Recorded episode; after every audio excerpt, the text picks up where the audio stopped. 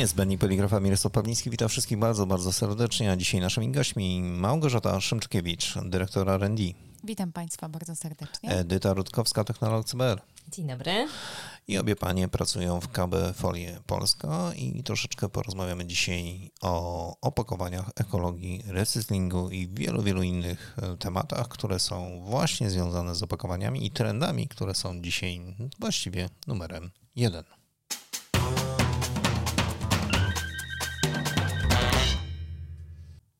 Ekologia. Wszyscy korzystają z tego słowa. Ekologia. Kupują oczami. Tak, to już żeśmy ustalili. Natomiast e, czy rzeczywiście zwracają uwagę na to, co kupują konsumenci, wkładając zakupy do koszyka? Gosia. Moim zdaniem zwracają uwagę. Coraz większą. Może nie za pierwszym razem, czyli w momencie, kiedy idziemy do sklepu, e, wkładamy produkt do koszyka, prawda, robimy szybkie zakupy, to kupuje nasz wzrok. Natomiast przychodząc do domu, bardzo często oglądamy etykietę i patrzymy, jaka jest informacja na tym opakowaniu, z czego ono jest zbudowane, czy też może, czy jest przyjazne dla środowiska, czyli takie, z którego powstanie nowy produkt. A tak można? Oczywiście, że tak. Tak należy projektować opakowania, aby było to możliwe. I takie są zadania nasze. No i to jest bardzo ciekawe, dlatego że niewielu chyba zamawiających zdaje sobie sprawę z tego, że ich opakowanie można przetworzyć po raz kolejny. Tak, ale I po, po raz jest, kolejny, i po raz kolejny. Zgadza się, natomiast po to są działy poszczególne w firmie, nie tylko działy produkcyjne, ale też badawczo-rozwojowe, takie, które wskazują drogę klientowi, jaką warto pójść, żeby ich opakowanie było bardziej ekologiczne. Nie zawsze jest tak, że jest to pytanie od klienta, czasem jest to nasza sugestia, jak można zbudować opakowanie do danego produktu. Jak pojawia się klient, bo o tym zaczęliśmy e, ten fragment naszej rozmowy, to on najpierw jest kierowany do R&D, do ciebie, Między innymi. tak? Tak. I ty podpowiadasz mu, Edyta, co można i w jaki sposób zrobić? Czy, czy, czy to jest tak, że on od razu mówi, że chciałby opakowanie tak i tak i tak wyglądające, tak złożone z takich komponentów? Jak to jest? A to jest bardzo indywidualna kwestia. Mamy klientów, którzy są świadomi już e, ekologii, świadomi trendów e, na rynku, wiedzą, że chcą na przykład e, opakowanie monomateriałowe, na przykład polietylenowe, zdają sobie sprawę z tego, jakie trudności mogą powstać na etapie wdrażania takiego Poczekaj. opakowania. Monomateriałowe. To takie słowo wytrych ostatnio często powtarzane. O co właściwie w tym wszystkim chodzi? Opakowanie monomateriałowe to jest takie opakowanie, które zbudowane jest na bazie jednego polimeru, po to, żeby był, było ono łatwiejsze w przetwórstwie ponownym. Żeby z niego powstał drugi produkt, niekoniecznie ma być to produkt typu opakowanie. Może być to inny produkt, który zostanie wykorzystany y, w przemyśle na przykład motoryzacyjnym. Mhm. To czyli Centrum Badawczo-Rozwojowe, Edyta, w którym jesteś, w KB Folie, e, przy rozmowach z klientami podpowiada, co można zrobić? Jeśli klient y, wystosuje do nas zapytanie, podaje nam przykład swojego produktu, który chce zapakować, podaje nam obecną strukturę, w którą jest pakowany ten produkt, my staramy się dopasować opakowanie, które będzie spełniało jego oczekiwania. Jeśli klient jest zdecydowany, że wdraża u siebie opakowanie monomateriałowe, my dopasowujemy to opakowanie pod rodzaj produktu, więc dobieramy odpowiednią barierę, której wymaga produkt, barierę na tlen, barierę na parę wodną, barierę na światło, dobieramy temperaturę zgrzewu tego opakowania, w zależności od tego, jaki to jest rodzaj opakowania, czy to jest opakowanie typu flowpack, czy to jest opakowanie typu dojpack, czy musimy tam wgrzać strunę, korek, em, jeśli chodzi o różnego typu uszlachetnienia, typu lakiery, e, Pole manewru, jeśli chodzi o branżę opakowań, jest bardzo szerokie. Ono się rozszerza w, w, obecnych, e, w obecnej chwili e, także na e, opakowania monomateriałowe. No dobrze, poczekaj, poczekaj. I, ale jedno pytanie muszę zadać. Jeżeli ten klient pojawia się i zamawia opakowanie i wy mu realizujecie jego zamówienie, to czy w ramach tej realizacji podpowiadacie mu, Edyta, że można coś zrobić eko? Mówimy tutaj o sytuacji, gdy klient zamawia coś, co według nas nie jest eko, tak? Na przykład. Pokazujemy mu możliwości, jakie stwarzają obecne, obecne opakowania, obecne folie na rynku. Przedstawiamy mu taką alternatywę. A jeżeli na przykład zamawia eko, a wy możecie jeszcze bardziej to e, przygotować pod względem eko, to również podpowiadacie, że można jednak pewne rzeczy zastąpić e, zupełnie innym materiałem, dla niego bardziej przyjaznym? Staramy się, staramy się edukować naszych klientów. To też jest zadanie naszego, naszego działu. I wielu klientów bardzo e, korzysta z tej opcji. Traktuje to jako taką wartość dodaną w naszej firmie, że posiadamy dział, który wspiera i doradza bezpośrednio pod kątem produktu, pod względem bezpieczeństwa produktu, opakowania.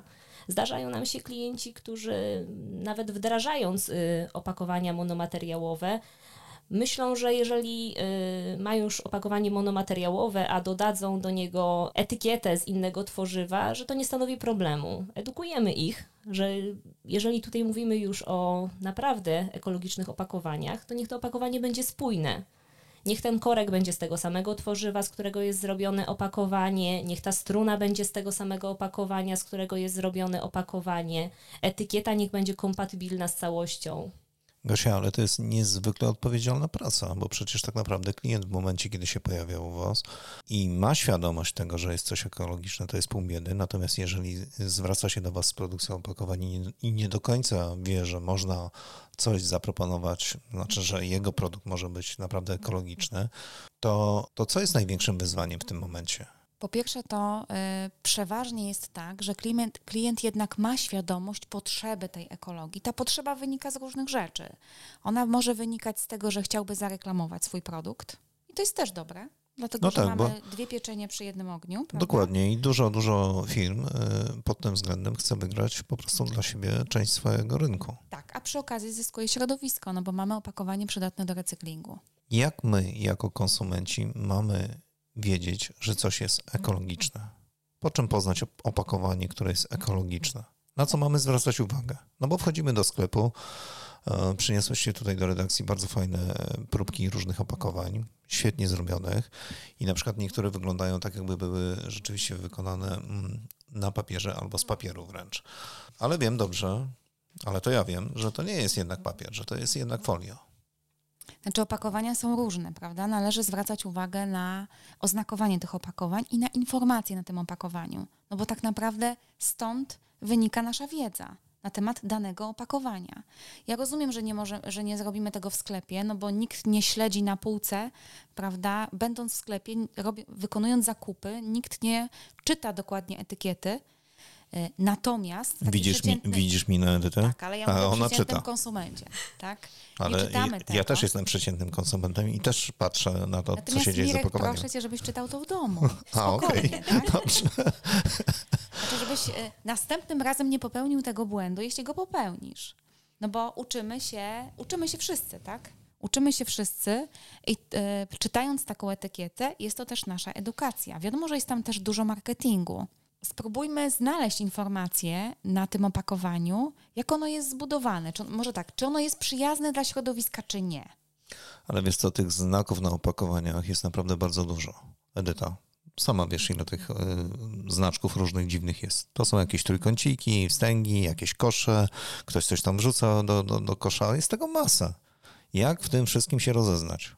Znaczy, pierwsza rzecz to pytanie jest takie, e, jaki czy je, opakowanie jest oznaczone znakiem materiałowym, bo ten wymóg nie jest obowiązek, to nie jest wymóg, to nie jest obowiązek. To jest dobrowolność oznakowania opakowania, jeżeli chodzi o e, materiał, z którego ono zostało wykonane. Drodzy, to są te pań, drodzy Państwo, słyszycie? Nie jest wymóg, ale można znaleźć. Tak, ale można znaleźć. znaleźć. Jeżeli tak. opakowanie, jeżeli mamy trójkącik z napisem w środku PP, z piątką bądź z LDPE, y, to te, y, takiego typu opakowanie możemy przyjąć, że jest na pewno przydatne do recyklingu, bo będą to opakowania monomateriałowe, poliolefinowe, czyli takie, które się bardzo łatwo przetwarzają. Takim znakiem wyróżniającym opakowania przydatne do recyklingu jest znak przydatności do ponownego przetwórstwa. On może być bardzo różny w zależności od tego, w jakiej organizacji dane opakowanie zostało certyfikowane. Co to znaczy certyfikowane? Czyli zostało wykonane potwierdzenie strony trzeciej, niezależnej, że dane opakowanie jest przydatne do recyklingu. Może to mieć formę na przykład y, takiego, takiej wstęgi i pod spodem przeważnie jest numer danego certyfikatu, bądź też napis Made for Recycling. No, Znakowanie jest bardzo różne w zależności od instytucji, natomiast te opakowania, które rzeczywiście są y, prawda, przydatne do recyklingu i są to opakowania trudne do rozpoznania, mające wiele takich, y, mające, wymagające bariery, to wtedy te opakowania są przeważnie oznakowane jednak w sposób czytelny, czyli przyjazny dla środowiska. Ale wiecie co, nawet w tych opakowaniach tutaj, w tych wzorcach, które żeście przeniosły do, do redakcji, mm, widzę, no jest taki trójkącik ze strzałkami. Tak. W środku jest napisane mm, 84 i pod spodem C łamane na PAP. To opakowanie jest akurat, które, które tutaj pokazujesz, jest opakowaniem wielomateriałowym, bo C oznacza wielomateriał, czyli jest to opakowanie z, z dwóch grup co najmniej połączonych ze sobą. Tego typu opakowanie raczej nie będzie przydatne do recyklingu, bo mamy dwie zupełnie różne grupy materiałowe, jeżeli mamy C. C oznacza wielomateriałowość w tym przypadku. Jasne. No to już wiemy, że nie wszystkie opakowania są po prostu ekologiczne. Czyli produkujecie i ekologiczne, i nieekologiczne. Tak jest. Produkujemy, natomiast ważne, istotne jest to z punktu widzenia, prawda, takiego, y, takiej ekologii w firmie, że segregujemy odpady też, które powstają po produkcji tych opakowań, na te odpady, które są przetwarzalne i z nich powstaną kolejne produkty, i na te opakowania, które są nieprzetwarzalne i one idą do innego strumienia odpadów, są odbierane przez inne organizacje, prawda? Mhm. Czy jest jakaś różnica, jeżeli chodzi o produkcję opakowań ekologicznych i nieekologicznych, jeżeli mówimy o cenach? Pojawia się klient i on zamawia. Czy, czy cena rzeczywiście tutaj odgrywa rolę? Nie zawsze. Nie zawsze opakowanie ekolog bardziej ekologiczne jest droższe od opakowania nieekologicznego, bo taka jest tak czasem jest to rozumiane. Jest tak. to rozumiane nieprawidłowo. Nieprawdą jest, że zawsze opakowanie, które jest przydatne do recyklingu, jest opakowaniem droższym. To zale zależy od użytych materiałów do produkcji tego opakowania i należy do, tego, do każdego z nich podejść oddzielnie.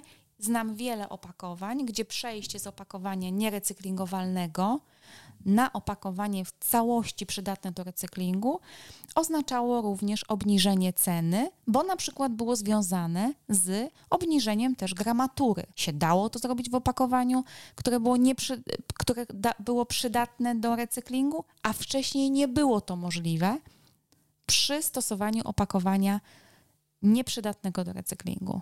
Przepraszam bardzo, ale obniżenie gramatury, Edyta, co to znaczy?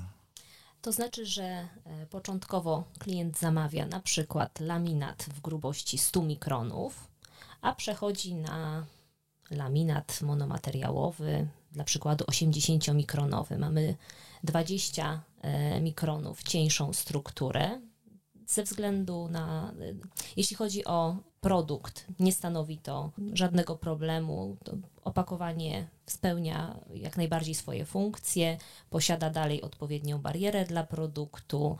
E, dla klienta sztywność opakowania, e, zgrzew są zadowalające i możemy zaproponować takie rozwiązanie.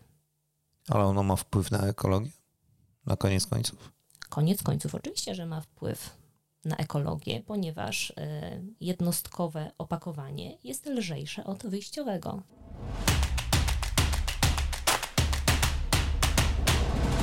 Już za tydzień w kolejnym niezbędniku poligrafa naszym gościem Wojtek Mataczyński, Heidelberg Polska. Wojtko, o czym będziemy rozmawiali? Szanowni Państwo, jeżeli zastanawialiście się, jak zorganizować współczesny marketing w swojej drukarni, to to jest odpowiednie miejsce do tego. Zapraszam. Już za tydzień.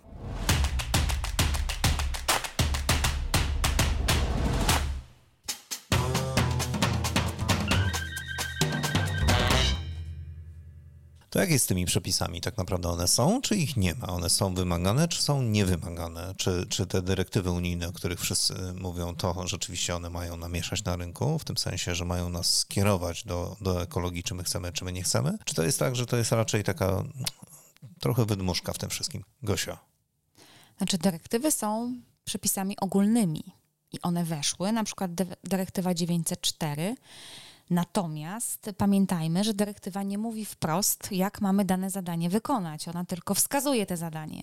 Natomiast akty wykonawcze w formie rozporządzeń, które by narzucały w jakiś sposób ekologię, no nie są jeszcze wdrożone w naszym kraju. W naszym kraju jeszcze nie ma wprost wytycznych do tego, żeby y, opakowania były jak najbardziej ekologiczne. Ekologiczne tutaj myślę z, z, z, punktu widzenia prawnego, o ekologii myślę tutaj, y, jeżeli chodzi o gospodarkę w obiegu zamkniętym, czyli opakowania przydatne do recyklingu, no bo o tym mówimy. No dobrze, czyli po prostu samowolka. Tak, myślę, że jeżeli chodzi o aspekt prawny, muszę powiedzieć, że tak. Natomiast jeśli chodzi o aspekt wymagań, o stronę wymagań różnych sieci, to tam jest poruszenie od już, od już jakiegoś czasu.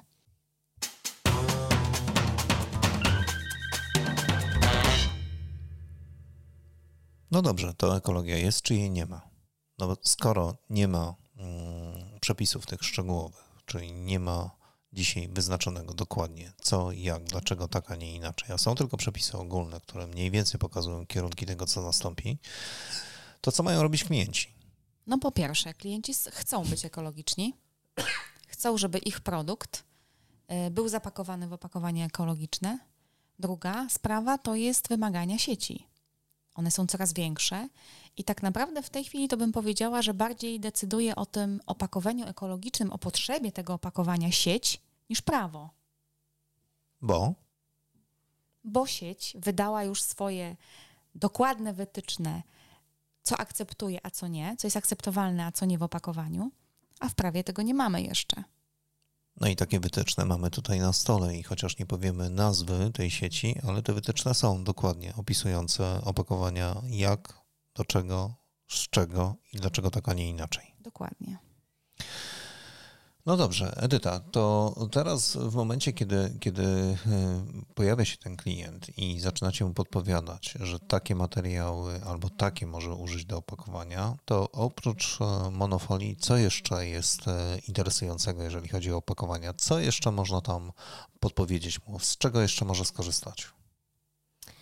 Jeśli chodzi o opakowania, to musimy nadmienić, że nie tylko opakowania złożone z jednego rodzaju tworzywa e, sztucznego, na przykład polietylenu lub polipropylenu, nadają się do e, ponownego przetwórstwa, e, lecz także połączenie polipropylenu z polietylenem, które są jedną, można powiedzieć, rodziną tworzyw sztucznych, czyli poliolefin, one także nadają się do ponownego przetwórstwa. Jest to związane właśnie z y, podobną temperaturą topnienia y, tych tworzyw i możliwością przetworzenia ich w jednym strumieniu. Y, jeśli chodzi o tego typu opakowania, to jeden z naszych klientów pod produkty kawowe już z powodzeniem sprzedaje fakt nie na rynku polskim, lecz, lecz za granicą e, tego rodzaju opakowania.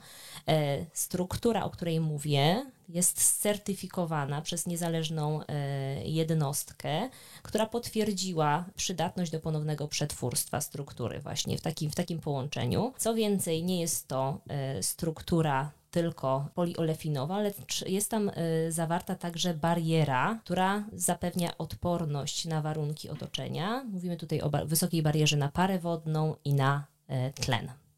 No właśnie, dużo osób używa takiej nazwy jak opakowanie barierowe. Odczarujcie trochę tą nazwę, proszę Was. Bo ja już to słyszę po raz kolejny. Ty chwilę coś na ten temat powiedziałaś, Edyta. Gosia, może ty wyjaśnisz jeszcze bardziej. Opakowanie barierowe to jest takie opakowanie, które właśnie posiada, posiada bariery głównie na tlen i na parę wodną. To jest opakowanie, które jest dedykowane do produktów wymagających. Czyli takie opakowanie, które mm, składa się przeważnie z kilku warstw i nie są to tylko y, polipropyleny czy polietyleny bądź też ogólnie rzecz biorąc poliolefiny, prawda? Wymagamy czegoś więcej, szczególnie przy produktach takich, które są pakowane w mapie, czyli w atmosferze modyfikowanej, gdzie ta bariera jest niezmiernie istotna. Pamiętajmy o tym, że Jakie to mogą być produkty od razu mięso powiedz? na przykład, mogą być też e, różnego rodzaju wędliny, mm, ser żółty, takie produkty, które są, prawda, e, kawa, takie, które są, y, takie, które są, prawda, e, tutaj, y, gdzie potrzebna jest ta bariera na, głównie właśnie na tlen i na parę wodną. Te bariery są bardzo różne. Mogą być to bariery z, na bazie aloksu, na bazie pewochu, ewochu. I teraz pytanie zawsze jest takie naszych klientów, które bariery są bardziej przydatne do recyklingu, które mniej. E, Żeby rozwiać te nasze wątpliwości, e, jeżeli chodzi o barierowość tych opakowań i przydatność tych barier do recyklingu, to każdą z nich certyfikowaliśmy w, niezależnym, mm, w niezależnej organizacji i posługujemy się właśnie takimi certyfikatami przydatności do recyklingu, które nam potwierdziły przydatność barier w danym opakowaniu, e, jeżeli chodzi o ponowne przetwórstwo. Czy takie certyfikowanie opakowania e, kierujecie do jednej organizacji, na przykład jednego opakowania, czy kilku organizacji? Jedno opakowanie certyfikowane jest w jednej organizacji, natomiast mamy sprawdzonych w tej chwili co najmniej pięć organizacji, w których certyfikowaliśmy różne opakowania. Mhm. A czemu, czemu aż pięć? Z tego względu, że każda organizacja ma troszeczkę inne wymagania i chcieliśmy też zobaczyć, jakie wymagania są w różnych instytucjach. To jest jedna rzecz. Dwa też, y, nie każda organizacja ma doświadczenie w certyfikacji y, danego opakowania, szczególnie opakowania barierowego. Więc zawsze szukaliśmy takiej organizacji, która jest rzeczywiście ekspertem w danej dziedzinie.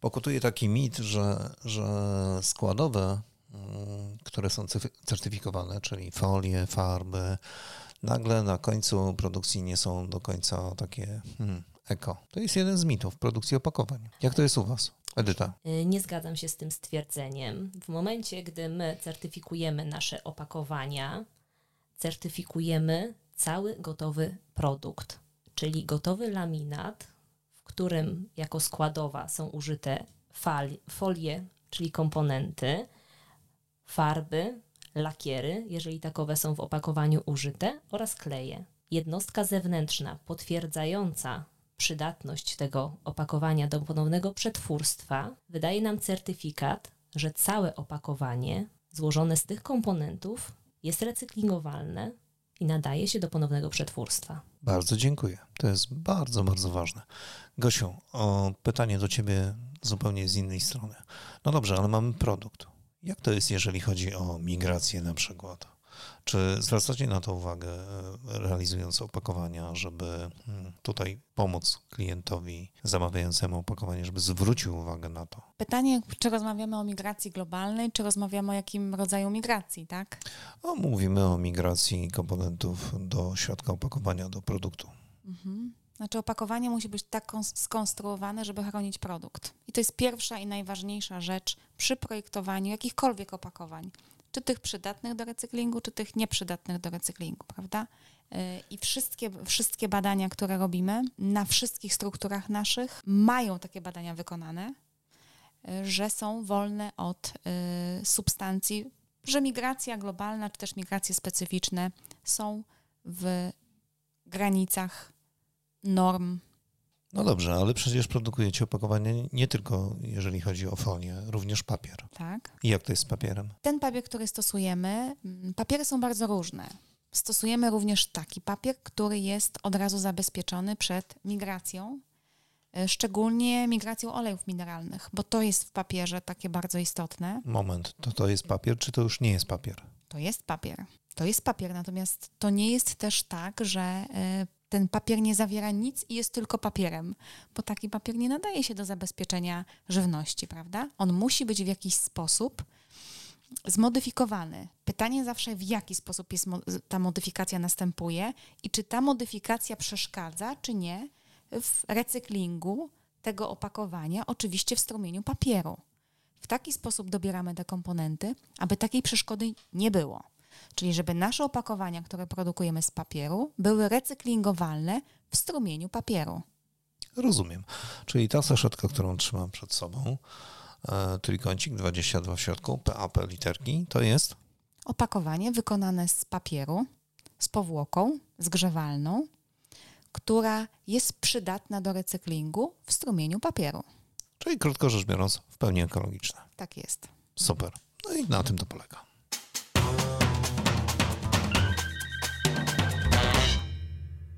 KB Folie dzisiaj to technologia Flexo, Roto, Obie technologie. obie. Jak duży zakład? E, Trzy zakłady produkcyjne, około 250 pracowników, mm, około 900 ton opakowań miesięcznie. Jest niesamowita ilość. Naprawdę. A przede wszystkim e, to, czym możemy się pochwalić na dzień dzisiejszy, to własne Centrum Badawczo-Rozwojowe, które zajmuje się tylko nowymi opakowaniami, nowymi strukturami i wdrażaniem ich na rynek. Co to znaczy, Edyta, nowe struktury? To takie, które, jak już mówiliśmy dzisiaj, są ekologiczne. Mówimy tutaj o monomateriałach, o nowych barierach, o papierze, o powłokach nakładanych na papier, o uszlachetnianiu papieru. Spektrum działań naszego Centrum Badań i Rozwoju jest bardzo szerokie. Czy klienci mogą się do Was pojawić z pomysłem po prostu na opakowanie? A Wy mu podpowiecie tak naprawdę wszystko, całą resztę? Przeważnie to wygląda w taki sposób, że klient, y, mając jakiś produkt, pyta nas, prawda, jakie byśmy, jaką strukturę byśmy zaproponowali. Bardzo często w tej chwili i najczęściej jest tak, że oczywiście myśli o strukturze ekologicznej. Nie każdy produkt da się zapakować w papier. Tworzywa sztuczne są też y, po to, po to powstałe, aby te produkty chronić i mm, w naszym, y, w naszym y, ujęciu są szansą na to, żeby prawda, nasza żywność nie marnowała się. One po to powstały tak naprawdę. Ważne jest tutaj to, żeby te tworzywa sztuczne wykorzystywać w sposób przyjazny dla środowiska. I to jest tak naprawdę główny cel naszej organizacji. Z tego co spojrzałem, to ostatnio były takie targi K2022 a propos właśnie opakowań z tworzyw sztucznych. Tak, te były ostatnio, natomiast te, w których braliśmy większy udział, to jest Fachpak. I No i wystawiliśmy tam mnóstwo opakowań e, przydatnych do recyklingu. E, Stworzyliśmy też e, taką, taką własną półkę, to, jest, to są opakowania z zielonej serii tak zwanej. To są opakowania, które są właśnie przyjazne dla środowiska, certyfikowane, posiadają różne bariery i są mm, no, w naszym portfolio, są dostępne prawda, w, w KB Folie w tej chwili jako już produkty standardowe. Można Ale- je było zobaczyć, niektóre po raz pierwszy właśnie na Fachpaku. ale to jest Wasz pomysł, Tak, Wasza jest- inwencja, Wasze produkty. To są nasze produkty, yy, no tak jak powiedziałam, certyfikowane przez różne organizacje, natomiast czasem wynikające z potrzeb klienta, nie tylko z tego, y, z możliwości prawda, Centrum Badawczo-Rozwojowego, ale przeważnie powstały na, w odpowiedzi na zapytanie klienta i na potrzebę klienta i produktu. Małgorzata Szymczukiewicz, dyrektor R&D, Edyta Rutkowska, technolog CBR. Drogie Panie, bardzo Wam dzisiaj dziękuję za rozmowę o opakowaniach, o ekologii. Mam nadzieję, że jeszcze wrócimy do tej rozmowy, bo jak widać temat jest naprawdę nieźle zakręcony. Gosiu, dziękuję bardzo. Bardzo dziękuję również. Edyta, bardzo dziękuję. Dziękuję. I zapraszamy Państwa na następny podcast Niezbędnik Poligrafa na następny czwartek o godzinie 15. Kolejna edycja i oczywiście będzie się działo, bo nie może być inaczej.